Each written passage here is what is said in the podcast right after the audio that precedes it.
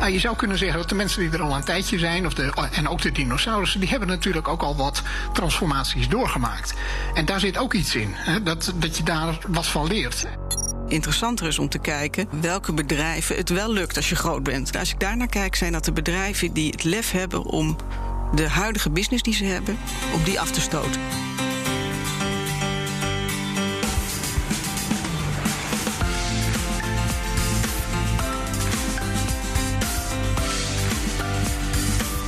Je luistert naar De Questie, een podcast van de Amsterdam Business School. In deze podcast praten we over de wetenschappelijke inzichten bij en de echte impact van bedrijfskritische ontwikkelingen. Mijn naam is Sander Denneman.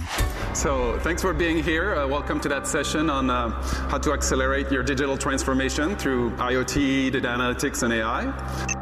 Nu door met uh, Roland Kaan, die dus een doorstart beleeft met Coolcat. Heeft dat dan te maken met de digitale transformatie waarvan u zegt... ja, dat groeit mij boven het hoofd? Nou, onder andere, ik ben natuurlijk een digibeet. We gaan erover verder praten met de topman van Randstad, Jacques van der Broek. Om uh, zeg maar het kwartaalresultaat uh, te optimaliseren zijn we voor aan het investeren in onze, hè, wat we noemen digitale transformatie. In deze aflevering gaan we het hebben over de kwestie wie er het beste voor staat om de volgende digitale transformatieslag te winnen. Je hoort het van mijn gasten Hans Borgman, hoogleraar Information Systems and Digital Business aan de Amsterdam Business School, en Marijn Pijnenborg, ondernemer. Ja, en zij is daarnaast angel investor bij Boralis, medeoprichter van programmeursopleiding Wink en heeft en passant ook nog huizen App Funda opgericht. Banken, energiebedrijven, bouwbedrijven. Traditionele bedrijven staan vaak kwijlend te kijken naar bedrijven als Uber, Amazon en Google. Want hoe flikken zij dat toch? Digital en tech als tweede? Nee, wat zeg ik? Eerste natuur. En de klanten? Ze dragen deze disruptors op handen. Werk aan de winkel dus voor Traditie BV. Hackathons organiseren, wiskits aannemen en deelnemen aan start-up bootcamps. Alles om in de volgende digitale golf voorop te lopen. Aan de andere kant van de ring staan dus die gamechangers zoals Apple, Netflix en die unicorn die je nu nog niet eens kent. Innoveren en veranderen is wie zij zijn. Die volgende digitale golf, zij zijn de wind die die golf veroorzaakt. Of niet? Daar draait het om in deze kwestie. Want bedrijven die de eerste digitale transformatieboot gemist hebben, die staan er het beste voor om in de volgende golf voorop te lopen. Dat is de stelling. En Hans Borgman, ik begin bij u, want u bent het eens met deze stelling. Dat klinkt bijna ongeloofwaardig. Ja, dat ben ik het mee eens. Dat is ook een beetje ongeloofwaardig, maar ik wil er wel een, een jijn van maken. Een beetje ja en een beetje nee in één, zoals de Duitsers dat zeggen. En dat kan ik straks wel een beetje toelichten. Ja, dus, dus het is een beetje een uh, um, uh, ja, maar er moet nog veel gebeuren. Zeker. En bovendien, er zitten ook addertjes onder het gras, waardoor goede intenties, want ze staan wel voorop. Ze proberen het wel, maar uh, of de goede intenties ook tot werkelijke resultaten leiden, nou, daar zit toch nog wel het een en ander uh, wat lastiger zit. Hm, Oké. Marijn Pijnenborg, digitale transformatie um, of disruptie in sectoren die ja, eigenlijk niet uw core business zijn. Ja, dat is uw core business. En u bent het hardgrondig oneens met deze stelling. Ja, ik ben het helemaal mee oneens. Ik, maar misschien snap ik hem niet eens. Eigenlijk nee? wat je zegt is van, uh, nou, de, degenen die het uh, in het verleden gemist hebben, die gaan het nu goed doen. Ja. Nou, het lijkt me niet voor niks dat ze dat gemist hebben. Dus die, die, die hebben al zo'n achterstand, die komen er nooit meer bij. Nou ja, je zou, je zou kunnen zeggen dat ze, uh, dat ze misschien geleerd hebben van het, van het falen van, van, van voorheen, meneer Borgman. Ja, nee, absoluut. Uh, niet alleen geleerd, maar ze hebben natuurlijk de honger om die fout niet nog een keer te maken. En ze zijn misschien iets minder evangelisch uh, ja, overtuigd van hun eigen gelijk. Zoals natuurlijk uh, mensen die iets nieuws hebben moeten doen, heel lang moeten volhouden. Die hebben heel lang tegen de wind in hebben ze geroepen dat hun ideeën beter waren. Toen hadden ze vervolgens gelijk. en dan kunnen ze natuurlijk in dat gelijk blijven vasthouden. Terwijl die anderen hebben ontdekt dat ze al een keer eerder het fout hadden. En denken de volgende keer staan we er niet bij. Want die hackathons die er nu allemaal zijn rond spannende nieuwe technologieën, die worden voornamelijk uh, betaald, uh, gefund. En, en of ze er wat mee doen, weet ik niet zeker. Maar ze worden wel gefund door mensen die de vorige keer de boot gemist hebben. Uh, of, of, wordt dat gedaan om, om juist misschien een beetje vooruitgang tegen te houden? Ja, dat is een mooie. Dat, uh, daar wordt Microsoft trouwens ook al eens van beschuldigd. Die kopen de innovaties op om ze vervolgens uh, dood te knuffelen en, en, en, we horen er nooit meer wat van. Uh, ik geloof dat hier niet zo. Ze zien wel dat buiten hen om ook van alles gebeurt. En soms ook eigen mensen die natuurlijk het bedrijf verlaten hebben met leuke ideeën en daar vervolgens succes mee hebben. Maar ik denk dat ze oprecht denken, die boot moeten we niet nog eens missen. Dus in ieder geval de scouts sturen ze uit. Of die scouts met, met, met mooie vondsten terugkomen en dat het dan ook wordt geïncorporeerd. Nou, daar komt de andere kant van de jijn, denk ik, naar voren. Daar gaat het nog wel eens mis. Oké, oké. Want ik, ik zie hier iemand een beetje. Uh, Marijn, ik zie hier. zit een beetje te lachen. Ja, dat klopt eigenlijk wel. Um, dit, zou, dit is eigenlijk een beetje wat hier staat. Wat die kwestie die je benoemt is eigenlijk de, de, de wet van de remmende voorsprong. En dat zou betekenen dat de digitalisering een beetje klaar is. En dat nu iedereen mee kan. Hè, dat die boot naar de overkant gaat. Maar daar gelooft u niet in? Nee, want je moet dan weer op de bühne staan. Want het is weer een grote verandering. Dus je, moet weer, je bent weer die roepende in de woestijn. Het moet nog anders. Want je moet nu niet de Uber gaan nadoen. Je moet de nieuwe Uber gaan maken. Dus je moet weer op die zeepkist. Ja, en als dus- het, die cultuur daar niet is om daarnaar te luisteren. Ja. Ja, want is dat, want is dat, is dat misschien de, de vinger op de zere, zere plek leggen? Is het, um, is het misschien helemaal niet per se een, uh, een, een, een tech of een digitale transformatievraagstuk, maar gaat het eigenlijk om cultuur bij dit soort, uh, dit soort veranderingen? Ik, ik, denk dat het een combinatie is van heel veel dingen. Het is natuurlijk ook, uh, ook technologie. Kun je dat en heb je dat? Um, het gaat zeker ook om, om cultuur. Want je moet een innovatieve cultuur hebben. Uh, maar er zitten nog veel meer lagen omheen. Het gaat ook over: heb je als bedrijf een, een, missie? Als die missie al onduidelijk is, is het best wel moeilijk om te innoveren. Want wel, welke kant moet je op? Dus dan is het moeilijk om, om ook de hele organisatie een goede kant op te krijgen. Dus het zijn een aantal aspecten die langskomen. Ja. En die moet je allemaal aanpakken, anders is er geen innovatie. Maar cultuur en missie hangen misschien voor een groot gedeelte ook wel, ook wel met, elkaar, met elkaar samen. Um, meneer Borgman, zegt de wetenschap daar iets over? Over, over hoe belangrijk cultuur is? Uh, nou, cultuur zeker. Missie heb ik wat minder mee. Uh, ik zou de missie van mijn eigen organisatie, uh, mag het niet hardop zeggen, misschien, maar zou ik niet eens weten. Misschien iets met onderwijs en iets onderzoek, misschien wat maatschappelijks, misschien volgend jaar wat wat inclusiefs erbij. Uh, of dat nou wezenlijk uitmaakt voor wat wij als, als, als personen op de werkvloer doen, weet ik niet. Maar ik denk wel dat een cultuur natuurlijk te maken heeft met veranderingsbereidheid, met, met, met tolerantie voor fouten maken, nieuwe dingen proberen, uh, voor complexiteit, voor mensen uh, ja, die misschien ook baan behoudt. En, en een cultuur trekt natuurlijk sommige mensen aan.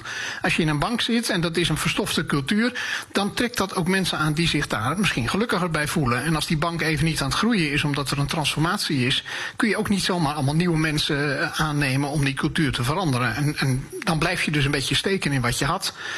want mensen gaan A niet weg en er komen B geen nieuwe mensen bij. Nou ja, dan moet je het toch doen met de mensen die er zijn. En dat zijn misschien inherent niet mensen die, die van verandering houden. Je hebt volgens mij, um, uh, die u net noemt, de meer traditionele uh, bedrijven. Hè. De banken uh, zijn daar misschien wel een goed voorbeeld van. Ik denk misschien de energiesector is daar een goed voorbeeld van. Dan heb je misschien, laten we het even de gevestigde disruptieve bedrijven noemen. wat misschien de, de Apples en de, de, en de Ubers van deze wereld zijn. En dan heb je misschien echt de start-ups die we, die we nu nog niet eens kennen. Of die echt, die echt aan het begin staan. Wat zijn nou ja, wat, wat, wat zijn nou de verschillen daartussen waarom het ene bedrijf, dat, dat wat traditionele bedrijf, er toch moeite mee heeft. Um, uh, en het andere bedrijf, uh, die, die helemaal in de kinderschoenen staan, juist heel snel uh, kunnen vernieuwen. Marijn, je hebt en bij oude bedrijven, om het zo maar te noemen, en bij nieuwe bedrijven gezeten en ze geholpen. Wat, wat zijn er de verschillen? Nou, ik denk dat het, de grootte is natuurlijk een hele belangrijke. En misschien helemaal even wat ik hoorde jullie allebei iets zeggen over missie. Ik hoorde jou zeggen, missie is een beetje hetzelfde als cultuur. Daar ben ik het niet mee eens. En ik vind een missie is, is bijna cruciaal uh, om een bedrijf uh, de goede kant op te krijgen. Want daarin kan iedereen zijn eigen verantwoordelijkheid ook nemen, want je weet waar je naartoe aan het gaan bent. En je ziet hoe kleiner het bedrijf is, de, als de founder er vaak nog bij is, die begonnen is met een missie, als het goed is. Als niet zijn missie is geld verdienen, maar hij had echt een missie of zij. Uh, dan zie je dat dat makkelijker gaat, die innovatie. Want iedereen weet wat hij aan het doen is. Op het moment dat een bedrijf groter wordt en er andere dingen langskomen, wordt dat moeilijker. En wordt die innovatie ook moeilijker. Dus ik denk dat daar het grote verschil zit. Want dan, dan slaat de missie om in iets anders? Ja, dan komen er submissies. Bijvoorbeeld je eigen carrière of uh, geld verdienen. Of nou, je weet, ik kan het zo gek niet bedenken wat er dan voor andere uh, doelen eigenlijk komen. Gaat de missie een beetje weg en wordt het een subdoelen en doelen. En dan zie je dat iedereen zijn eigen kant op gaat. En als dat gebeurt, gaat ook de innovatie weg. Want innovatie is vaak ook keuzes maken. Eén ding heel goed doen. Oké. Missie en cultuur is echt, echt een wezenlijk, uh, wezenlijk ander ding. Die, die, als we die, die even die driedeling of tweedeling pakken tussen de, tussen de kleinere bedrijven. Daar zeg je, daar staat de missie nog echt voor op. Daar zit een kleine, compacte groep mensen die echt iets, iets wil veranderen. Ja. En bij die grote bedrijven is dat gewoon helemaal niet meer aan de orde. Nee, heel vaak, weten, heel vaak weten ze het niet meer waarom ze het, waarom ze doen. En het is ook heel moeilijk als een bedrijf veel groter is geworden. Een, een bank doet zoveel dingen dat je bijna niet meer weet waarom je daar bent. Ja, iets met geld en zorgen dat mensen happy zijn met geld. Ja, dat is bijna zo vaag dat je niet meer weet waarom je het doet. Herkent u dat, meneer Borgman? Ja, misschien wel, maar ik weet niet of dat echt aan dat missieding. Uh, dat is toch vaak iets voor, voor, voor, voor consultants en, en boardrooms en, en annual uh, statements. Dat, dat een bank zich nu bijvoorbeeld een techbedrijf noemt. Is dat nou werkelijk zo van belang voor de, voor de mensen die daar werken?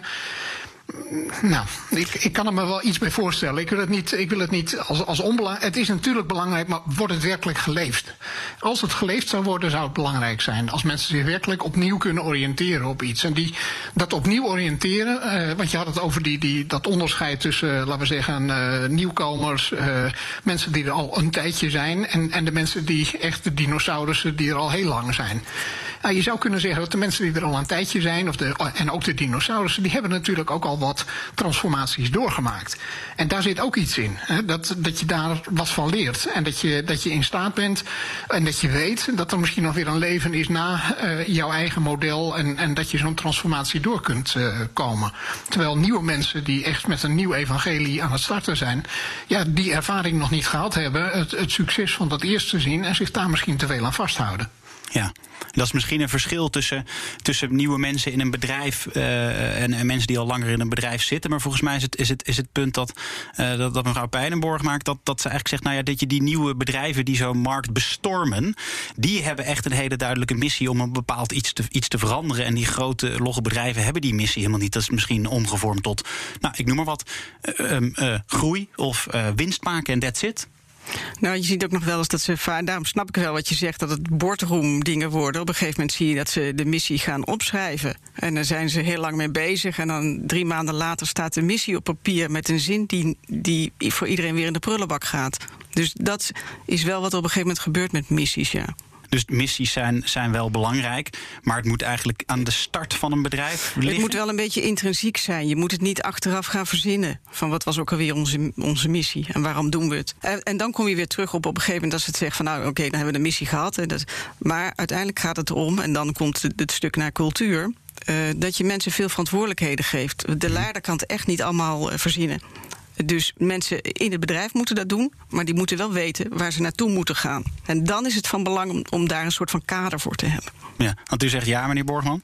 Ja, nee, dat is helemaal waar. En, en dat hoeft niet eens te zijn dat ze dat volledig begrijpen. Als, als er een soort van, van, van mm, ja, missie wordt geformuleerd waar ze in geloven. Een soort uh, Steve Jobs-achtig iets van ik weet niet waarom, uh, Elon Musk, maar ik geloof erin. Uh, en, en dat zie je dat dat misschien nog wel belangrijker is.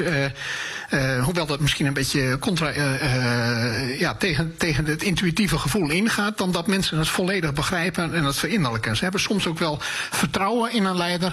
En daarnaast moet die leider dat omgekeerd omgekeerd ook in zijn mensen hebben. En zodanig dat, dat slimme ideeën van binnenuit gewoon de ruimte krijgen. En misschien worden die dan na afloop ineens missie genoemd. Hè. Dat, dat, er zit natuurlijk altijd iets tussenin. Het is niet de grote leider die de weg kent. En de rest die moet er maar achteraan gaan. Het, het zijn vaak ook nieuwe dingen die we proberen. En als die succes worden, dan, dan worden die ineens groter. Maar die moeten wel de gelegenheid krijgen om groter te worden. En mensen moeten de gelegenheid hebben om risico te nemen. En niet, uh, ja, niet afgestraft te worden als dat eens een keer misgaat. Eh, en, en die, die, die, kansen om, uh, om, om risico te nemen en, uh, en vanuit die missie te werken, krijg je die bij, bij, bij grote bedrijven? Nou, er zijn er, ING is een voorbeeld, uh, werd net genoemd. Is, is natuurlijk wel een bedrijf wat, wat, wat probeert daar meer ruimte voor te hebben. En ik denk dat dat ook her en der wel zo is. Misschien niet overal even sterk binnen dat bedrijf. En er zullen ook andere bedrijven zijn die het wel doen. Maar ik ja, je proeft mijn aarzeling in uh, mijn woorden. Uh, er zijn ook heel veel plekken waar dat niet lukt. Nee, het verschilt natuurlijk altijd van bedrijf tot, tot bedrijf of dat, of dat wel of niet lukt. Maar dan, dan zijn dat vaak toch, toch kleine, kleine clubjes, kleine groepjes die dat aan het, aan het doen zijn. En dan moet de rest van het bedrijf nog mee. Ja, ja. En, en soms als dat een interne uh, clubje is, dan, dan nou, wordt de rest daar ook een beetje angstig van. En, en, die, en die denken van, nou, dat, dat, dat kan ik zijn. Ik ben, uh, nou, wat is het, 15 jaar lang commissaris bij Lufthansa Systems geweest. Dat was een hele traditionele onderneming, uh, eigenlijk toch wel. in de airline-industrie, die, die draaide de boeking en, en allerlei systemen in grote, grote rekencentra. Maar die ging op een gegeven moment hele hippe dingen doen. En die maakten een app die in staat was, er was geen enkel bedrijf in de wereld die dat kon doen. Binnen een vliegtuig, 250 mensen gelijktijdig konden allemaal films uh, scrubben, heen en weer, uh, alles bekijken, high resolution. De rest van het bedrijf die dacht van dat komt van onze interne dochter, kan niks zijn. En die kocht het ergens anders. En toen wilden ze het buiten de deur verkopen met deze echt, echt wereldinnovatie. Uh, en toen zeiden mensen, ja, als je eigen bedrijf het al niet koopt, hoe goed kan dat dan zijn?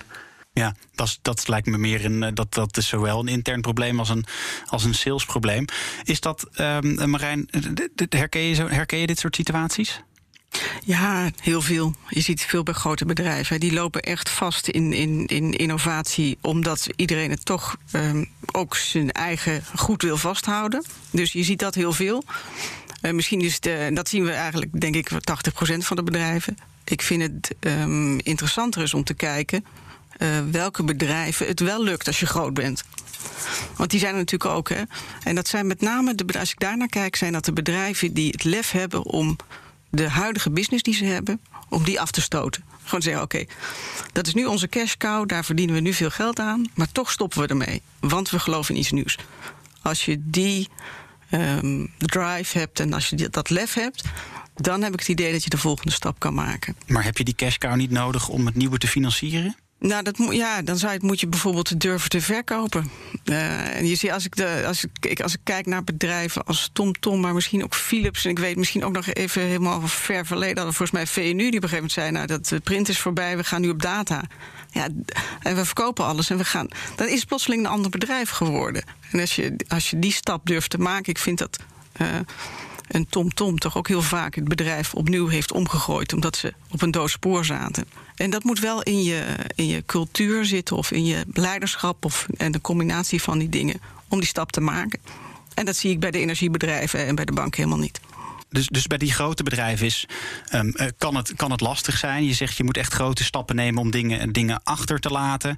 Um, er wordt gezegd, er zijn natuurlijk mensen die uh, um, bezig zijn om, om, om bepaalde posities te houden. Maar zijn er, zijn er bij die nieuwe bedrijven, zijn daar, zijn daar problemen? Of is het daar alleen maar regenbogen en, en unicorns? Zo noemen ze zich vaak ook wel. Nee, maar dat, daar zijn de, de nieuwe problemen liggen daar. Hè. Dus we, we, we kunnen heel veel zeggen over de oude corporates en alles wat daar niet uh, niet helemaal pluis is of niet lekker is. Maar de, de nieuwe problemen zitten bij de nieuwe bedrijven. Omdat ze uh, zo groot zijn geworden. En, en, en eigenlijk de manier waarop ze gestructureerd en gefund zijn, zijn ze gefund eigenlijk op een waardering die hoger is dan waar ze nu zitten. Dus op toekomstige inkomsten. Dus ze kunnen alleen nog maar verder door te groeien. En uh, dan wordt dat op een gegeven moment het doel, is groeien. Nou, en dan zie je dat je daar toch een beetje evil-achtige bedrijven door krijgt. Dus daar zit een nieuw, nieuw probleem. Dan start het wel vanuit een, een, een, een, een echte missie. Maar dan, uh, dan wordt die missie wordt groei. Ja, die, dat, zie je eigenlijk bij de meeste. Dat het heel leuk en knuffelbaar en met een goede intentie gestart is. Uh, maar uiteindelijk uh, een, een, een money machine moet worden en moet blijven. Ja, en dat, dat zorgt dan misschien voor, uh, voor negatieve effecten voor de, uh, voor, voor de maatschappij. Hè? Ik, ik, moet dan meteen denken aan wat de gevolgen zijn van, van, van, bijvoorbeeld Airbnb, waar steden dan last van hebben. Maar dat wil natuurlijk niet per se zeggen dat die bedrijven niet nog steeds gewoon hartstikke goed in staat zijn om te innoveren. Ja, dat kan nog steeds. Maar die, moet, ja, want die moeten blijven groeien. En die moeten groeien op nieuwe stukken en nieuwe gebieden. Dat is de makkelijkste manier van groeien. Dat je niet iets ergens anders weghaalt, maar dat je iets nieuws creëert. Dus daar, uh, daar moeten ze blijven groeien. Dus blijven nog wel innoveren. Maar Uh, je, moet dat, ik zie daar wel dat dat eindig, op een gegeven moment eindig is en eindig moet zijn, omdat het er soms de verkeerde kant op gaat. Ja? Ja, en dan kun je, om daar, eh, je ziet het bij Facebook, en dat gaat op een gegeven moment ook alleen maar over hey, hoe worden jouw informatie doorgegeven, wie, wie, dat wordt misbruik van je data gemaakt. Als je kijkt bij Uber is het probleem dat uh, medewerkers toch wat weinig krijgen. Nou, zo kun je bij veel bedrijven toch even achter je oren krabben wat daar nu aan de hand is. Ja, dus het ja, is... die complexiteit die loopt, ook, die loopt ook gewoon ja, de spuigaten uit. En dan krijg je dat dat soort bedrijven op een gegeven moment ook zeggen... misschien is het maar eens tijd voor wat uh, adult supervision, zoals ze dat dan maar noemen.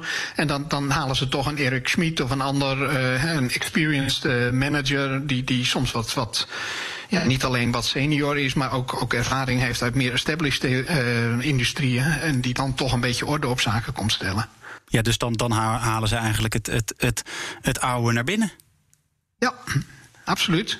Misschien niet echt het oude in termen van cultuur, maar in ieder geval wel het oude in termen van uh, hoe organiseer je dingen netjes. En daar zijn best wel wat lessen die je misschien wat minder uh, naar voren hebt op het moment dat je, dat je groeit. En, en, en ieder jaar waar je niet uh, verdubbelt is een, is een verloren jaar. We begonnen deze, de, deze podcast met, de, met de stelling: de gevestigde bedrijven staan er nu het beste voor om de volgende, de volgende digitale transformatiegolf voorop te lopen.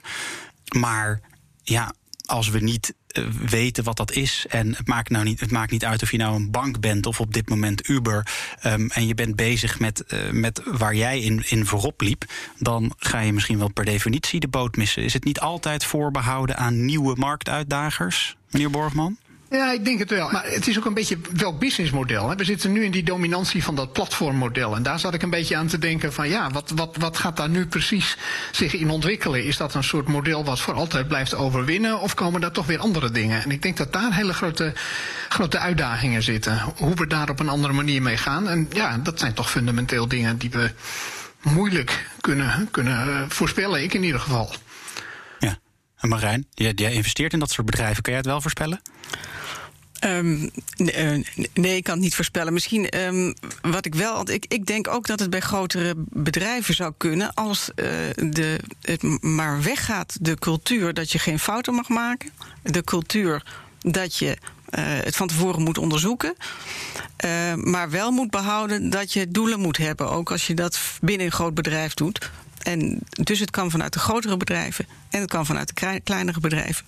Maar het is gewoon het, het doen zal ons de richting wijzen waar het naartoe gaat. Ja, je, je noemt het doelen stellen, het vooronderzoeken. Kan je daar, kan je daar zo'n voorbeeld van geven? Wat bedoel je ja, daarmee? Ja, wat ik precies. Als ik kijk naar waarom kunnen uh, grote bedrijven niet innoveren, waar, waar, waar, gaat het nou op mis? En dat is eigenlijk omdat er te veel mensen een mening over hebben dat het voorwerk zo lang is dat het eigenlijk het moment de energie al weg is. Um, bedrijven hebben dat gezien en die zijn daarom begonnen met aparte clubjes en moeten vrij kunnen denken. En in dat vrije denken werd weer vergeten dat je ook wel even op de bal moet zijn en een goed doel moet hebben. Dus het was voor die grote bedrijven heel moeilijk om daar een, een cultuur in te vinden om te innoveren omdat er ja, toch altijd, er zit meestal een baas boven die zegt: ja, op basis waarvan? Want ik moet het weer aan mijn baas verkopen. Ja, en dan gaat het mis. Ja. Je moet op een gegeven moment, als jij een idee hebt en je komt bij mij, ik zeg een idee. En ik denk, verdomd, dat zou wel eens wat kunnen zijn. En ik zeg, ga. Kijk, ja. dan kom je ergens. Maar als, jij, als ik als eerste vraag zou zeggen, en hoe had je dat gedacht? Heb je wel daar en daar aan gedacht? Ja, dan is de energie bij jou ook al weg. Ja, dan wordt er gezegd, ga innoveren. En wat is het winstmodel? Nou, dat, ik vind het winstmodel vind ik een hartstikke goede vraag. Um, maar als er wordt gevraagd, en weet je het zeker? En kun je onderbouwen waarom je denkt dat het zo is? Ja, dan, nee, kan dat niet. Maar je moet wel een, een. Kijk, bij al die bedrijven en start-ups waar ik in geïnvesteerd heb, heb ik allemaal geïnvesteerd in een, in een visie dat je hadden. En een businessplan en een product en prijzen, alles. En ik kan de klok erop gelijk zetten. Bij geen enkel bedrijf is dat plan uitgekomen. En ook in de verste verte niet. Het product is veranderd, de doelgroep is veranderd. Dus ze zijn gewoon gaan, gaan lopen en hebben toen heel snel kunnen schakelen. Nou, als je die ruimte niet kan hebben, dan, dan komt er niks. Nee. Ja, en grote bedrijven hebben natuurlijk vaak een standaard spreadsheet voor waar je je business case in moet maken, waarin toch ook wel de benefits moeten staan. En als ze een paar keer de ervaring hebben dat van jouw innovatieafdeling de benefits altijd anders blijken te zijn dan uh, wat er aan het begin gedacht werd, dan, uh, ja, dan gaan er natuurlijk wat, uh, wat belletjes rinkelen. En mensen zijn bang. En, en, en nou, banken, maar ook anderen zijn natuurlijk professioneel ingesteld om risico's te vermijden. En risico's klein te houden. Dus ja, als je met iets nieuws bezig bent en de eerste dag komt er al iemand van compliance langs om te kijken of je het allemaal wel netjes doet. Ja, dan is de lol ook snel weg. En dan bedoel ik een beetje, dan, dan gaat de vaart uit het programma. Ja. Maar ik heb dat trouwens nog erger gezien, hè, dat het allemaal goed was. Dat, eh, dat ook de, de, de kengetallen eh, helemaal meteen werden gehaald. Dus de investering van zeg nou 100.000 euro die was gegeven helemaal goed. En als je dan alle getallen haalt, dan is het in de normale wereld zo dat je, of in de start-up wereld, dat er dan meer geld op tafel komt, of 500.000 of een miljoen. Maar die investering was zo groot voor een corporate bedrijf, dat het bij de volgende stap alweer misging. Dus je moet zoveel hobbels door, wat in die start-up wereld eigenlijk goed gaat. Maar, maar meneer Borgman, u, u zegt nu eigenlijk, nou ja, kijk, ik, ik, mijn ervaring als ik zo om me heen kijk en, uh, en onderzoek die ik zie, is het juist dat dat soort bedrijven nu die ruimte wel bieden. Nou, ten dele wel, maar ze, ze schipperen daarin. Uh, soms dan zeggen ze, weet je wat, we hebben een aparte skunkworks... een beetje een plek waar op afstand mensen in, in een beetje een veilige omgeving kunnen experimenteren. Maar dan hebben ze weer moeite om het weer terug te nemen binnen de, binnen de core business. Terwijl als je het binnen de core business doet, hebben ze het probleem dat het daar misschien door compliance en andere dingen wordt afgeremd. Dus ze proberen beide en in beide zijn ook wel successen te merken. Maar ja, er zijn ook inherente beperkingen die, die eraan zitten. Het, blijft, het is gewoon lastig. En, en ik denk dat dat bij een start-up makkelijker is. Ja, omdat ze, dat ze gewoon kleiner en, eh, en wendbaarder zijn, minder lagen. Ja, en, en niet, niet professioneel zijn ingesteld om risico's te vermijden, maar juist professioneel zijn ingesteld om kansen uh, te, te, te erkennen en te herkennen. Ik zie um, Marijn Fijnemorg ja knikken. Ja, ja daar, daar zit hij in. Het is, het is uitgaan van de mogelijkheden in plaats van damage control dus er zijn successen bij grote bedrijven. Het lukt niet altijd. Um, of je zet het er buiten en is het weer moeilijk om in de organisatie te krijgen. Of je doet het in de organisatie en dan is het, uh, dan, dan is het maar de vraag, uh, is het maar de vraag of, het, uh, of het gaat vliegen. Um, dat heeft uiteindelijk allemaal toch weer met cultuur en misschien toch wel de missie uh, te maken bij. Nou, dat... Wat jij nu zegt, ja, sorry, ik laat je niet uitpraten. Maar ik vind, de, het, ik vind het window dressing. De manieren waarop bedrijven dit nu proberen. En de bedrijven die het op deze manier doen met uh, bootcamps en dingetjes. En, die durven de core niet aan te pakken. Het probleem waar ze echt mee zitten, daar waar ze tegenaan aan het lopen zijn, dat hun business over tien jaar niet meer bestaat. En die hopen dat op kleine beetjes hopen ze toch dat ze een zaadje planten en dat het een mooie boom wordt. Maar je moet eerst de ruimte creëren en dat doen ze niet. Nee, en dan kom je weer terug. Dus het bedrijf moet eerst bij zichzelf gaan nadenken. In, in, in de top, zou ik maar zeggen, beslissen: hier willen we naartoe. En daarna kunnen mensen innoveren. Maar als je dat niet doet en hoopt dat ergens iemand in de kelder een mooi boompje maakt, ja, dat is natuurlijk, dat is natuurlijk niks. Dat vind ik het laf. Je moet echt, echt afscheid nemen van het oude, wat misschien ook pijn doet, omdat het een, misschien een nog goed lopende deel van je bedrijf is. Daar moet je, ja. moet je afstand, uh, afstand van nemen. Um, ziet u dat ook zo? Ja, ik, ik, ik, vond, ik vond die window dressing opmerking ook erg leuk. Uh, in de tijd dat ik in Duitsland zat, misschien dat die onderzoeken recent nog wel eens herhaald zijn, maar dat is nou toch bijna twintig jaar geleden dat dat uh, de, de platformen en de e uh, whatever kwam toen enorm op. toen zijn er onderzoeken gedaan naar of de aankondiging van zo'n nieuw platform wat voor effect dat had op de aandelenkoers. En dan ging het er niet over of je werkelijk dat vervolgens ook ging uitvoeren, maar het ging puur om ja, wij zijn bezig en we bouwen iets en dus het, window dressen, dat, uh, dat speelde toen in ieder geval een duidelijke rol. Ik, ik weet niet of dat nu hetzelfde is met, uh, met AI en met, uh, met, met platformen en andere dingen. Maar ik, ja, ik, ik sluit niet uit dat dat, dat, dat aspect wel eens een rol speelt. Oké, maar kan het, dan, kan het dan helemaal niet? Kan, het, kan, kan, een, bedrijf, kan een groter bedrijf echt, echt niet op een of andere manier het, die, die ommezwaai maken? Jawel, jawel, het kan zeker. Maar het, wat ik probeerde was wat nuances te laten zien. Van enerzijds lukt het wel. Uh, we hebben de tikkies, we hebben de andere innovaties die best goed zijn. Platformen, uh, ook, ook ING met andere, andere bankvormen, directbanking. Uh, en dat gaat goed. Dus het is, maar het, het blijft wel lastig. Als je kijkt naar de fintechs en de start-ups en wat die aan het doen zijn. Nou, dan is het nog niet een gelopen race dat, dat de diepe geldzakken van, van, van de grootbanken dat die dat uh, weer naar ze toe kunnen trekken. we hebben het heel veel over cultuur. We hebben het heel veel, uh, heel veel over, uh, over missie. En dan hebben we het over dat ze echt iets, echt iets willen veranderen. Heeft dat misschien ook gewoon te maken met bijvoorbeeld een bepaalde focus? Dat, dat die nieuwe bedrijven echt veel meer klantgefocust zijn in plaats van procesgefocust? Ja, ik denk dat hij daar heel erg zit. Ik vind, daarom vind ik de fintech zo interessant. Omdat uh, ik heb nog even bij een bank gezeten. En daar was de eerste les die ik kreeg van nou, we hebben hier allemaal producten, sparen, hypotheken. Oh ja, we hebben ook betalingsverkeer, maar daar verdienen we niks aan. Dus onze belangrijke punten zijn uh, sparen.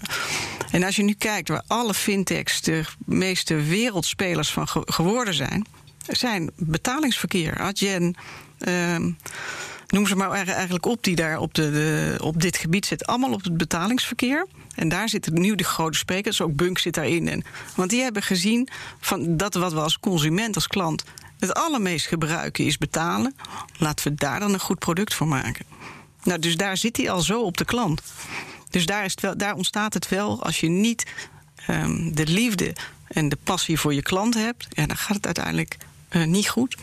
En, en misschien toch ook gewoon keuzes maken. Zij pakken één klein dingetje en that's it.